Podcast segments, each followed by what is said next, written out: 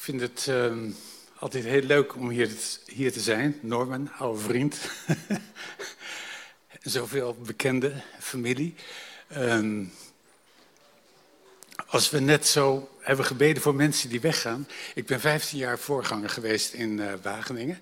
En ik zou je zeggen dat een van de ehm, meest ingrijpende aspecten van het voorganger zijn. Dat je relaties opbouwt met mensen die ook heel vaak weer uh, stoppen. En als herder uh, wil je dat iedereen bij elkaar blijft enzovoort. Maar zo is het leven niet. Het leven zit vol met verandering. Nieuwe hoofdstukken werd net genoemd. En uh, um, dat houdt mij in deze tijd ook heel erg bezig. Dat, dat feit dat er zoveel aan het schudden is. Dat er zoveel aan het veranderen is. We hebben daar als gemeentes mee te maken. Ik, uh, ik merk in gesprekken met uh, vrienden dat er in de gemeentes heel veel in beweging is. En dat heeft te maken met uh, de impact van de coronatijd. Ik heb daar artikelen over gelezen, statistieken over, over gezien. Er is iets, um, als het ware, wat vanzelfsprekend was, op losse schroeven komen te staan. En we moeten lijkt het wel, opnieuw uitvinden wat het is om met elkaar verbonden te zijn, om een gemeente te zijn. Maar ook in de wereld om ons heen gebeurt er zo ongelooflijk veel. Ik weet niet uh, hoe dat jou vergaat, maar ik, ik heb soms dat ik het nieuws eigenlijk niet meer wil lezen. Dat ik merk van, uh, um, bijvoorbeeld over Oekraïne. Um, het was een tijdje geleden dat het idee er was van, nou, dat uh, gaat de goede kant op. Uh, de Oekraïners die gaan winnen, dat werd genoemd. En nu lees ik alleen maar het tegendeel. En ik bid er elke dag voor, maar ik merk ook dat dat een worsteling is. Dat je, dat je echt, uh, dat, dat er zoveel, als het ware, somberheid op je afkomt, over je heen kan komen, dat je denkt van ja, heer, wat bent u aan het doen? Wat gebeurt er in de wereld? En ja, je, kan tien minuten praten over al die andere dingen die spelen. Van honger in Afrika en uh, armoede en noem maar op. En ja, ik denk dat God aan het schudden is. Dat uh, die ontregelt. Een heleboel van onze zelfgenoegzaamheid komt op losse schroeven te staan. En die ontregeling die voelt heel onbehagelijk. Ik had een uh, tijd geleden twee keer dezelfde droom, of min of meer dezelfde droom. En uh, uh, God spreekt heel vaak uh, door dromen tot mij. Dat is, um, ja, dat is bij iedereen weer anders, maar in Joel staat dat ouderen zullen dromen dromen. Nou, ik, jongeren zien gezichten en nou, ik vind profetie ontzettend belangrijk. En ik ben heel blij dat God spreekt door dromen. Een van de meest bijzondere ervaringen die ik daarbij gehad heb was dat ik een keer droomde dat mijn jongste dochter um, gedoopt zou worden. Maar dat ze twee keer onder water moest. En um, ik vertelde dat uh, aan het ontbijt. En uh, zij was nog vrij jong, ze was toen 15. Dat is inmiddels best lang geleden. Maar dat is één zo'n ding wat, er, wat je je leven lang bijblijft.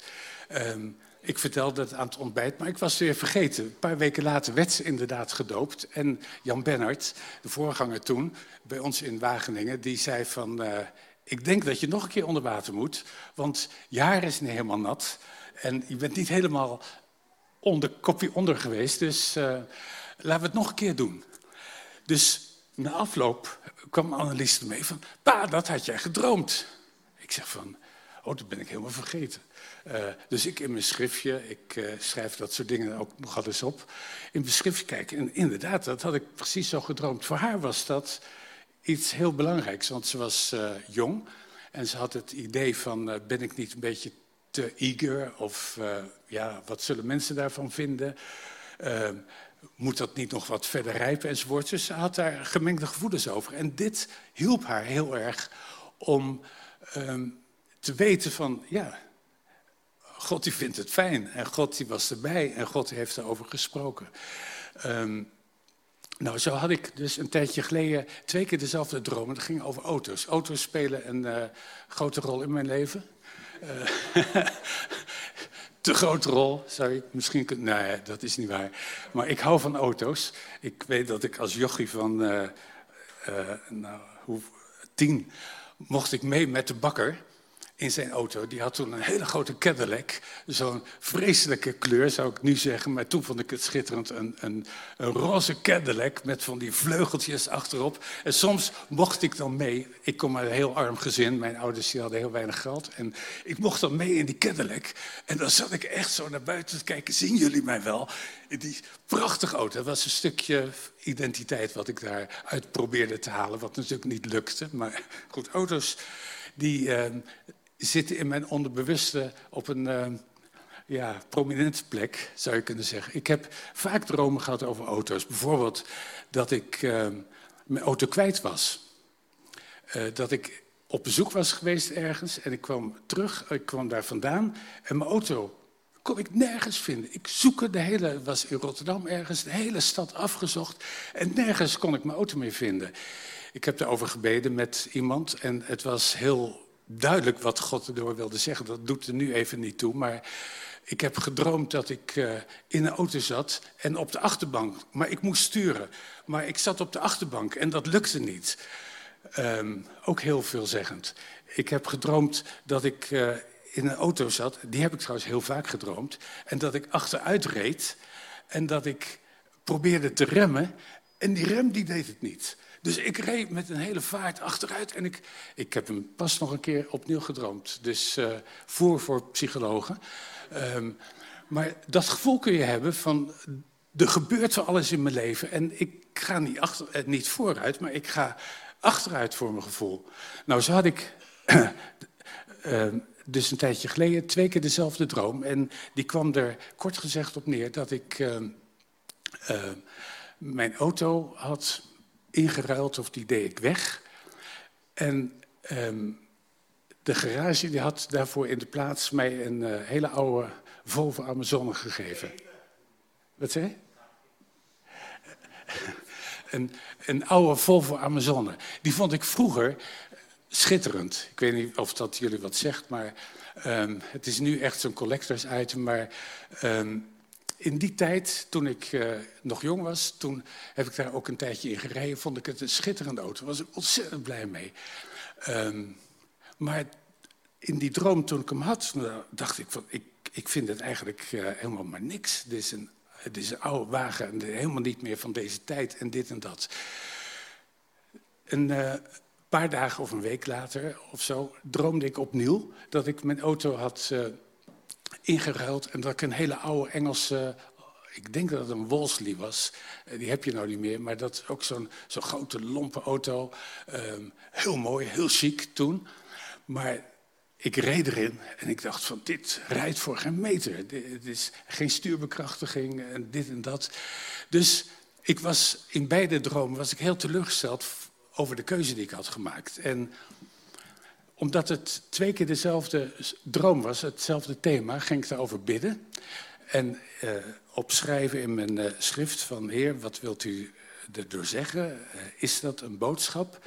En toen ik daarmee bezig was, toen um, bedacht ik me van een goede vriendin van ons, die heel profetisch is, die had mij een kaart gestuurd met een tekst erop. En die tekst die had ik niet daar gezocht. Dat, dat was, was ik vergeten. En ik moest er toen aan denken. En ik las die tekst. En dat is de tekst uit uh, Jezaja 43. Zie, ik maak iets nieuws. Nu gaat het uitspruiten. Zult gij er geen acht op slaan? Er staat trouwens voor. Denk niet aan hetgeen vroeger gebeurde. En let niet op wat oudstijds is geschied. Zie, ik maak iets nieuws. Nu zal het uitspruiten. Zult gij er geen acht op slaan? En dan wordt dat ook benoemd. Ik zal een weg maken in de woestijn en rivieren in de wildernis. En uh, ik las die tekst. Ik denk, oh, dat kan ik wel in verbinding brengen.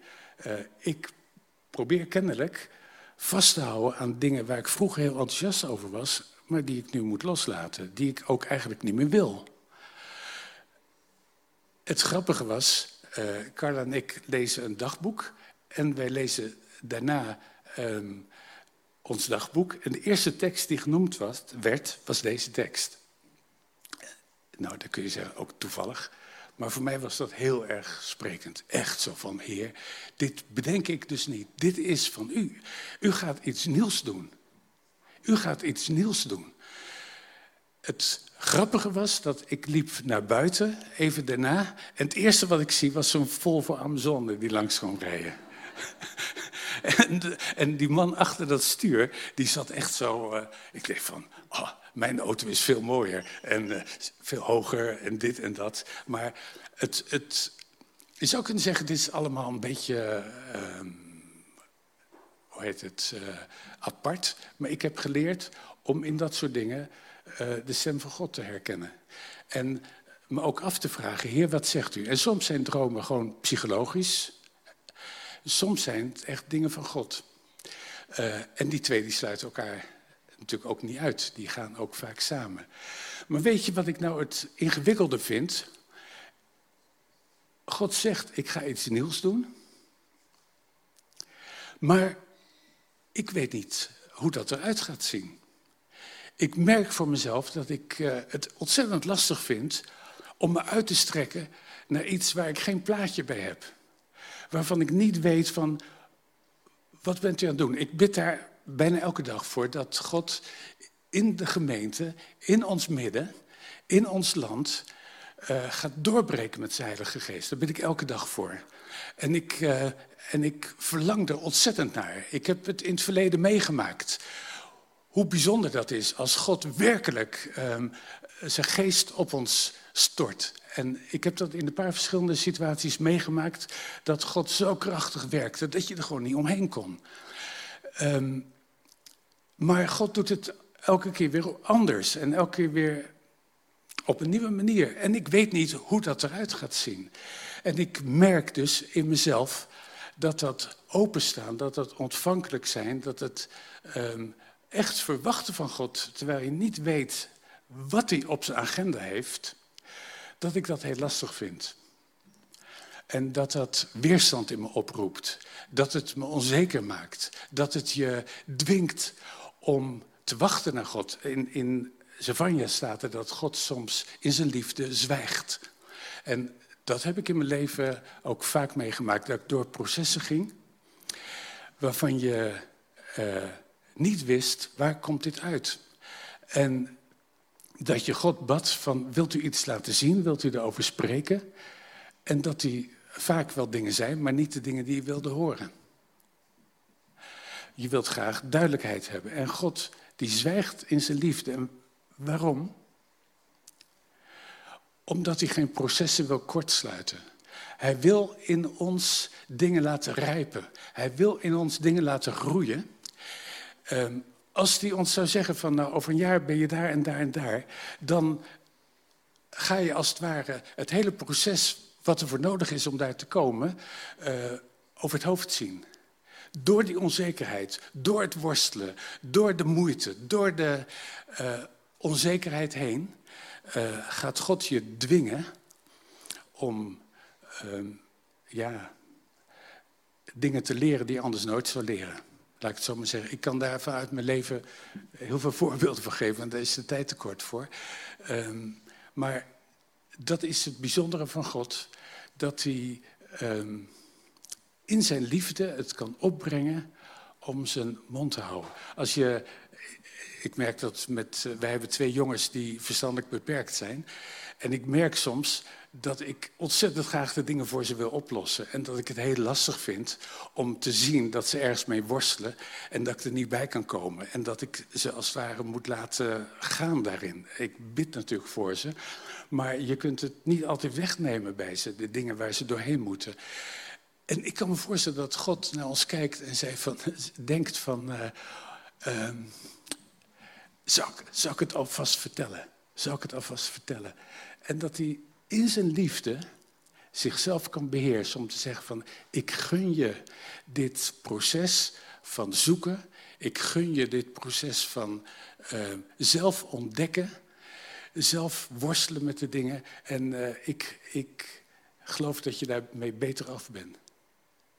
Dat, zo, zo kijkt God naar ons. En weet je, dit brengt mij, deze gedachten, um, de afscheidswoorden van Jezus. In Johannes 14, 15, 16, 17 um, zet Jezus een heleboel dingen op een rij die voor zijn discipelen ontzettend belangrijk waren in het proces waar ze doorheen zouden gaan. Die discipelen die, uh, die waren natuurlijk helemaal ontregeld, helemaal in de war. Wat gebeurt er? Wat, wat is er aan de hand? Waar, waar gaat dit naartoe? En um, ja, de afscheidswoorden van iemand zijn natuurlijk ontzettend belangrijk. Ik, ik denk dat wat Jezus hier gedaan heeft, dat dat voor een heel deel over hun hoofden heen ging. Maar dat ze met terugwerkende kracht later dachten: oké, hij heeft dit gezegd, hij heeft dat gezegd, hij heeft dat gezegd. En wat ik eigenlijk wil doen, nu, in de tijd die mij nog rest, is een paar van de dingen eruit halen uit Johannes 14, 15, 16, 17. Maar eigenlijk met het idee van uh, de vraag naar jullie: van, uh, um, zou je dat niet willen gaan lezen deze week? Gewoon dat je de tijd neemt om die hoofdstukken te lezen, want het zijn. Uh, heel belangrijke woorden van Jezus. En ik denk dat als je ook iets te maken hebt met die worsteling van wat gebeurt er en waar gaat het naartoe en wat is nou eigenlijk het grote verhaal en wat is mijn plek in dat grote verhaal, dat um, deze hoofdstukken je ontzettend kunnen helpen. En wat ik doe vanmorgen is uh, eventjes een paar dingen eruit halen die een soort grote lijn weergeven. Uh, Eigenlijk hou ik daar niet zo van. Wil ik liever dieper ingaan op één stukje, om, om, om dat helemaal als het ware uit te pakken. Maar ik probeer nu een paar dingen in verband te zetten met elkaar, zodat je eventjes de lijn ziet. En dat je even kunt meevoelen van oké, dat zijn de megathema's die daarin zitten. Dit zijn eigenlijk de grote uh, thema's die Jezus aanreikt. En um, het, het kan ons helpen, denk ik, om onze positie uh, opnieuw te bepalen. En ook om uh, voor onszelf te weten van waar komt het nou op aan. Nou, het eerste wat ik wil noemen, en daar begint Johannes 14 mee, met uh, dat Jezus gaat vertellen van het huis van mijn vader. Daar zijn vele woningen en ik ga er naartoe om plaats voor jullie te maken. En ze begrijpen het niet enzovoorts. En dan zegt Jezus deze uitspraak van ik ben de weg, de waarheid en het leven. Niemand komt tot de Vader dan door mij. Um, dat is open deur, weten we allemaal uh, dat dat zo is. Maar heel vaak um, ervaren we het niet. Of heel vaak is het zo dat, dat, dat we dat reduceren tot een soort cognitief iets, iets in ons hoofd. En um, hebben niet in de gaten dat dit iets is wat elke dag opnieuw, als het ware existentieel, in ons leven um, om de aandacht vraagt, uh, benadrukt moet worden. Het is ook een woord wat heel erg, laat ik zeggen, tegen de trend van de tijd ingaat. Het is exclusief als jij zegt, ik ben de weg, de waarheid in het leven. Niemand komt tot de Vader dan door mij. Dan uh, staat dat haaks op ja, het pluralisme, waar wij, wij geleerd hebben van ja, iedereen heeft zo zijn ideeën en die moet je respecteren. Ben ik het helemaal mee eens dat je moet respecteren. Maar het, het creëert een soort druk bij ons dat je denkt van ja, dit is mijn waarheid. Wat is waarheid? Uh, daar kun je een uh, uur over praten hoe ingewikkeld dat geworden is in deze tijd. Uh, omdat we ja, zo gewend zijn te zeggen, ja, jij zegt dat omdat je dat en dat en dat. Hè. Dus dan kom je in dat hele sfeer van reconstrueren terecht en het, of deconstrueren en proberen het allemaal te plaatsen. Ehm, allemaal prima, maar het feit dat wij geloven dat Jezus de Verlosser is, dat Hij degene is geweest die uh, centraal staat in de hele geschiedenis, dat Hij het kantelpunt is in de hele geschiedenis, dat dat voor ons um, onopgeefbaar is, dat, ja, dat, dat is niet spanningsvrij. Dat is iets waar, uh, wat niet meer vanzelfsprekend is. En ik denk dat het dus heel belangrijk is dat we daar um, um, eerlijk over zijn, dat dat spannend is. Dat we onze vrijmoedigheid niet kwijtraken met het idee van, uh, ja, dat is mijn persoonlijke idee. En ja, goed, uh, nou, al die overwegingen, ik hoef ze niet uit te spellen, je, je, voelt dat wel. En uh, ja, ik las van de week een, het begin van een boek. Daar stond een uh, recensie over in Trouw van Walter Huttinga. En dat boek heet uh, Dialoog, Duel, nee, Dans en Duel. Is van uh, Kees Ekris. Dat is iemand die je misschien kent van Eerst Dit, van, dat, van die podcast van de EO. Die samen met IZB hebben gemaakt. En het is heel populair. En deze man die heeft... in dat boek legt hij uit um, wat het is om in deze tijd het evangelie te spreken en, en daarover bezig te zijn. En uh, hij geeft ook aan, in het eerste hoofdstuk wat ik las uh, gisteren of eergisteren, dat juist in deze tijd, door het door het denken van deze tijd, hij heeft het dan over Charles Taylor, de immanente frame. Dus wij hebben een wereldbeeld waar alles als het ware wordt verklaard met natuurlijke uh, oorzaken en gevolgrelaties. Dat immanente frame is zo dominant dat het elke keer voor ons als het ware een soort uh, losmaken vraagt om die andere werkelijkheid daarmee in verbinding te brengen. Die onzichtbare werkelijkheid, die bovennatuurlijke werkelijkheid. Dat is veel lastiger dan we vaak denken. En uh, ik, ik vond het wel heel goed om, om uh, dat te lezen en je te realiseren. Dat, dat hebben we allemaal. Dat we voortdurend denken van, uh, ik zie dit en ik, uh, mijn verstand zegt zo, zo, zo. Maar, wat zegt God? Maar wat is um, die bovennatuurlijke dimensie waar ik in geloof? Wat betekent dat nu? Hoe reëel is dat nu? sta ik er echt voor open? Um, leeft het in mij? En uh, ik denk dat dat inderdaad van ons vraagt om um, ja, heel veel tijd met Jezus door te brengen. Om ook te bidden dat ons geloof in, het, in de onzichtbare werkelijkheid uh, uh, niet verdunt, niet gereduceerd wordt tot, nou ja, dat zijn mooie gedachten, mooie ethiek, mooie moraal enzovoort. Maar dat we echt die, die relatie met Jezus, ik kom er zo op terug, dat we die um, centraal stellen. Daarom is het belangrijk om samen te aanbidden. Samen aanbidden opent als het ware de hemel. En um, maakt dat God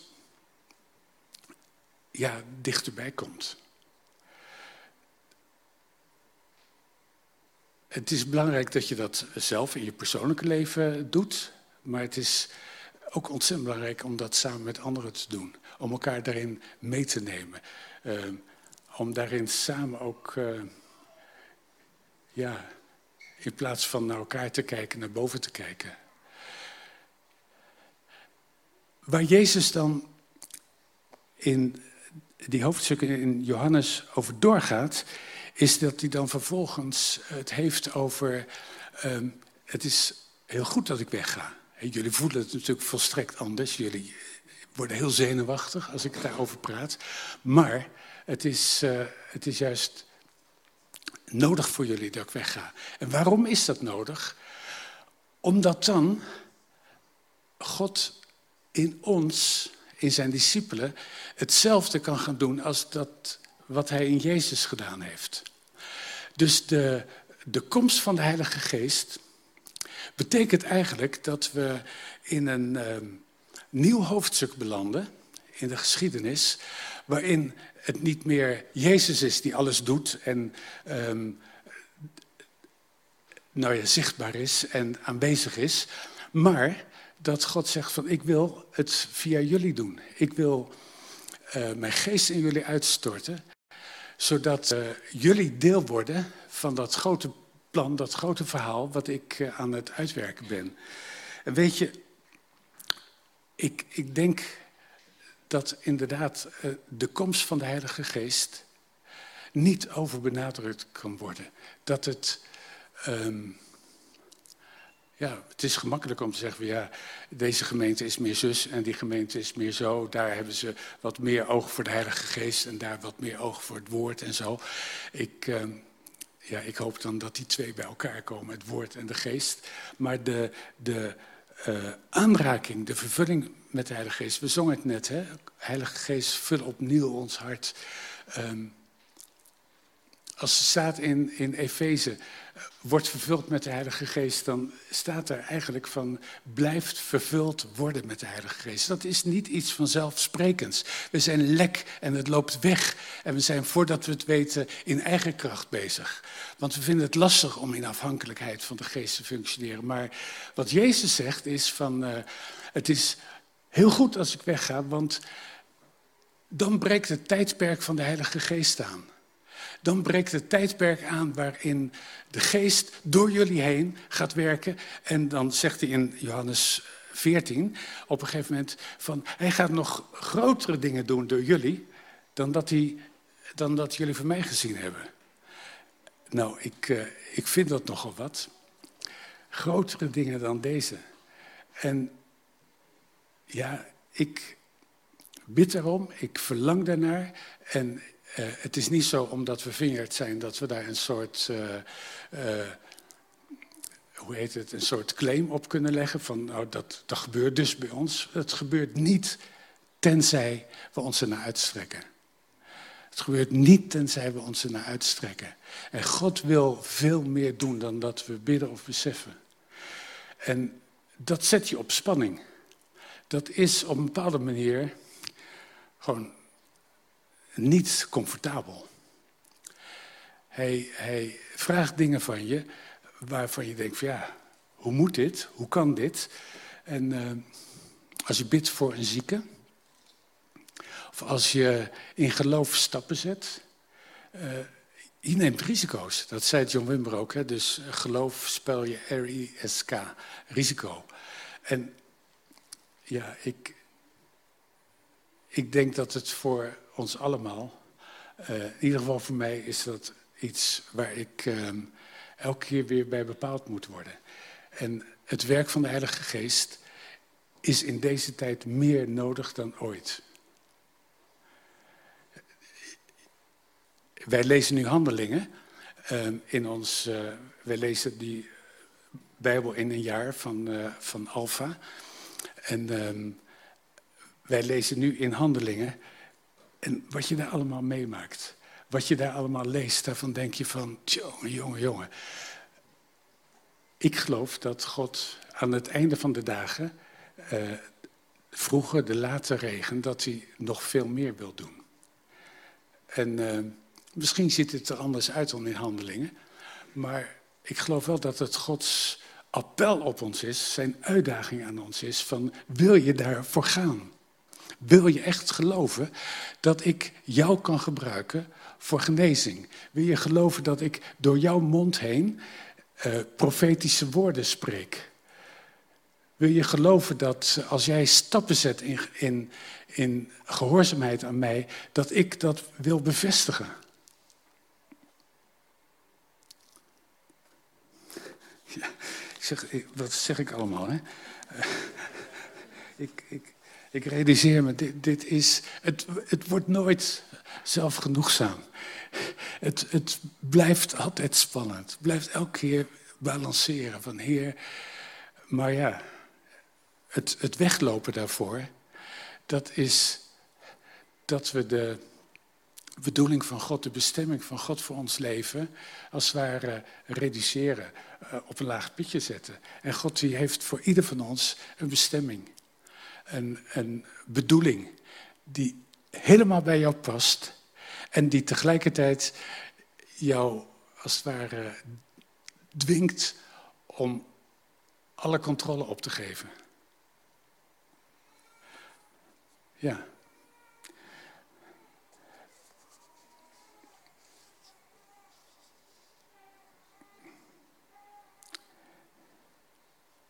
Ik zit te denken of ik daar nou nog voorbeelden voor kan geven. Maar genezing is voor mij echt zo'n punt. Hè, van daar heb ik uh, uh, toen mijn eerste vrouw Franny ziek was, heb ik natuurlijk heel veel ben ik daarmee bezig geweest. En ontzettend veel gebeden om genezing en dat is niet gebeurd. En het rare is dat ik merk dat ik eerder meer dan minder gemotiveerd ben om te blijven bidden. En ja, soms vraagt God volharding. En vraagt God van ons dat we, um, um, ja, ik, kan niet anders zeggen, volharding opbrengen en door blijven bidden. En uh, ik wil je dat ook echt aanraden. Dat, uh, het is zo gemakkelijk om op te geven. Zo gemakkelijk om je bij dingen neer te leggen. Maar God vraagt van ons dat we trouw zijn in het bidden. En dat we het van Hem verwachten. En dat we ja, onze geestelijke spieren als het ware blijven oefenen. Ik heb geen spectaculair voorbeeld op dit moment. Sorry. Wel ik wel kan zeggen dat al die gebeden die, die ik in die jaren dat Franny ziek was heb gedaan, dat ik heb gemerkt dat God ze gebruikt heeft. Dat God daar kracht aan verbonden heeft. Anders dan ik had gedacht. En mijn leven is anders gelopen dan ik had gedacht. Maar ik ben zo dankbaar voor hoe God geleid heeft. En uh, ook zo dankbaar met uh, Carla, hoe die dat geleid heeft. Ik denk van, uh, God, God die zwijgt in zijn liefde soms, maar hij zingt ook soms. En dat zingen, dat heb ik ook gehoord. Dat God over je zingt en dat je je realiseert oh, God, wat bent u ontzettend goed. Nou, het laatste wat ik wil noemen is dat voorbeeld van uh, Johannes 15 over de wijnstok. En uh, ja, misschien heb ik het al gezegd. Maar dat beeld van die wijnstok, dat vind ik heel mystiek, heel diep. Um, wij reduceren het geloof vaak tot um, je moet dit doen, je moet dat doen. En vaak zeggen we dat ook tegen elkaar van uh, uh, als je nou zus en zus en zo, dan dat en dat en dat. De wijnstok is een beeld wat van een heel andere orde is. Het is een beeld waarin um, er wordt gezegd van als je in mij blijft, als je geënt bent op de wijnstok, dan gaat er van alles in je leven gebeuren.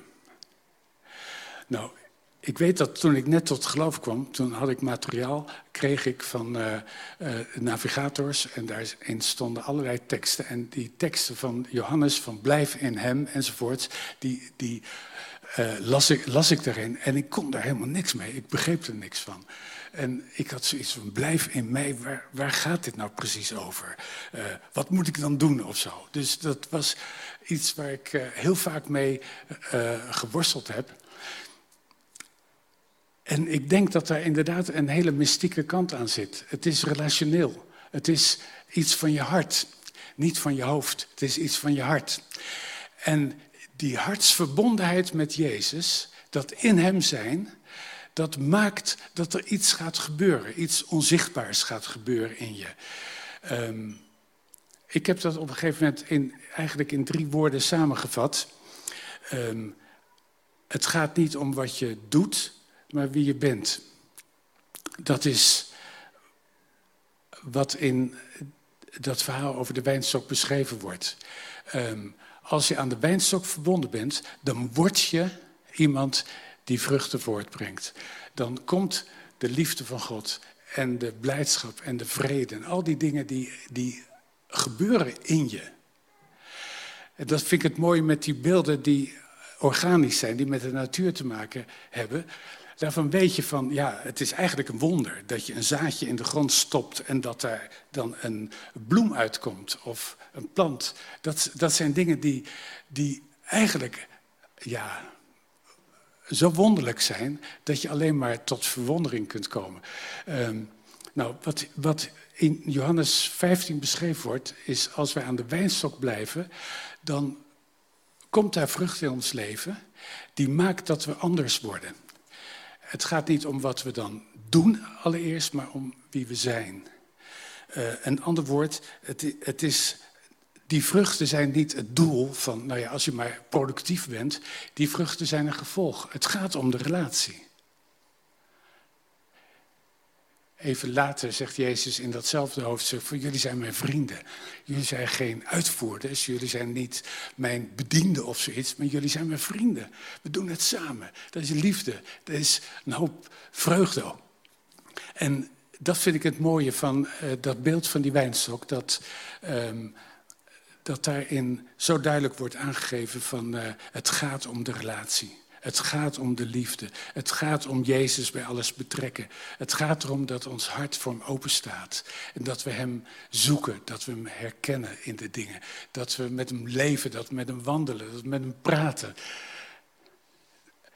En het derde is, um, vrucht dragen is geen plicht, maar een belofte.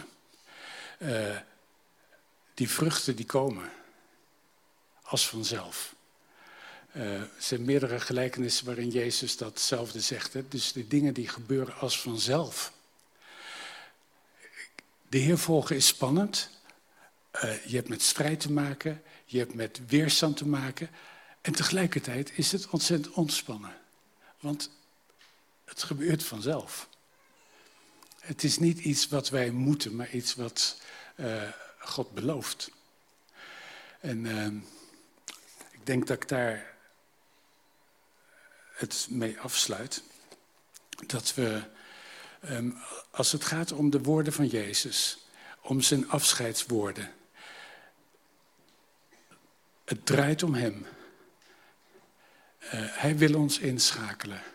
Hij heeft ons zijn vrienden genoemd. Hij wil samen met ons optrekken. Hij wil ons leven tot zijn doel laten komen, tot zijn bestemming laten komen.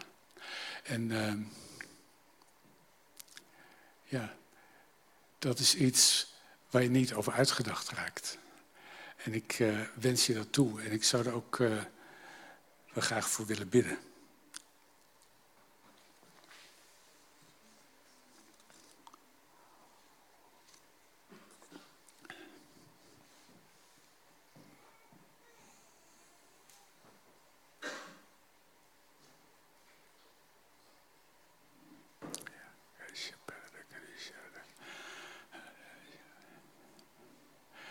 Ja, Heilige Geest, we danken u dat u hier bent.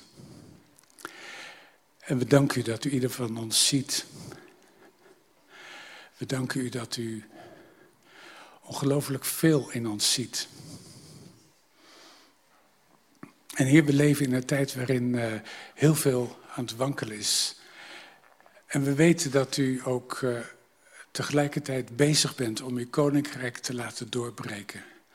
En vader, we weten vaak niet hoe dat eruit ziet. Maar ik zou willen bidden, Heer, dat u ons maakt tot mensen die met u meebewegen. Die een deel zijn van uw antwoord, uw oplossing, van uw werk in deze wereld.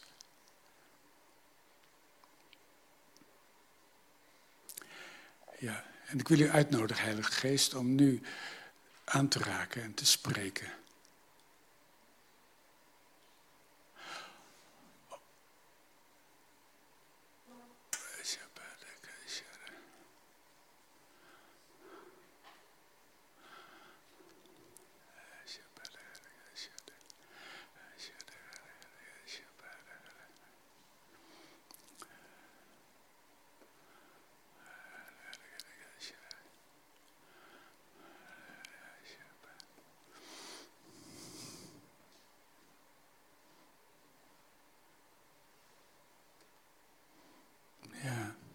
Heer, dank u dat ik uit ervaring kan getuigen van het feit dat u trouw bent.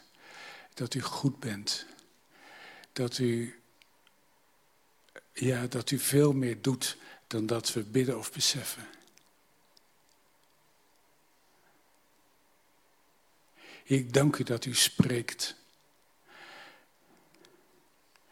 Dat u ook soms zwijgt, of vaak zwijgt maar dat u ook tegelijkertijd spreekt en dat u dingen aangeeft die we nodig hebben. Heer, ik dank u dat u ontzettend veel van ons houdt. En dat u ervan geniet, Heer, als we, als we in kinderlijk geloof met u optrekken en u bij alles betrekken.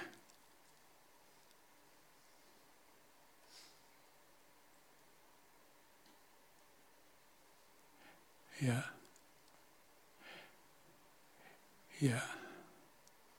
En we bidden u, Heer, dat u inderdaad die vrucht geeft in ons leven. Dat u in ons voortbrengt, Heer, wat uh, u weerspiegelt. Ja, dat u in ons te zien bent. Dat uw kracht ook in ons uh, zichtbaar wordt. Door ons heen kan werken. Heer, we willen ons ernaar uitstrekken. Die late regen. Heer, dat u, voordat u terugkomt, dat u nog een grote oogst binnenhaalt. Heer, dat u nog heel veel mensen gaat uh, uh, binnenhalen. En misschien is het daarom ook wel nodig dat er zoveel aan het wankelen gebracht wordt. Heer, omdat u uh, ja, de, het besef van onze nood, van onze afhankelijkheid wilt laten toenemen. Heer, we bidden u dat u, dat u krachtig wilt werken.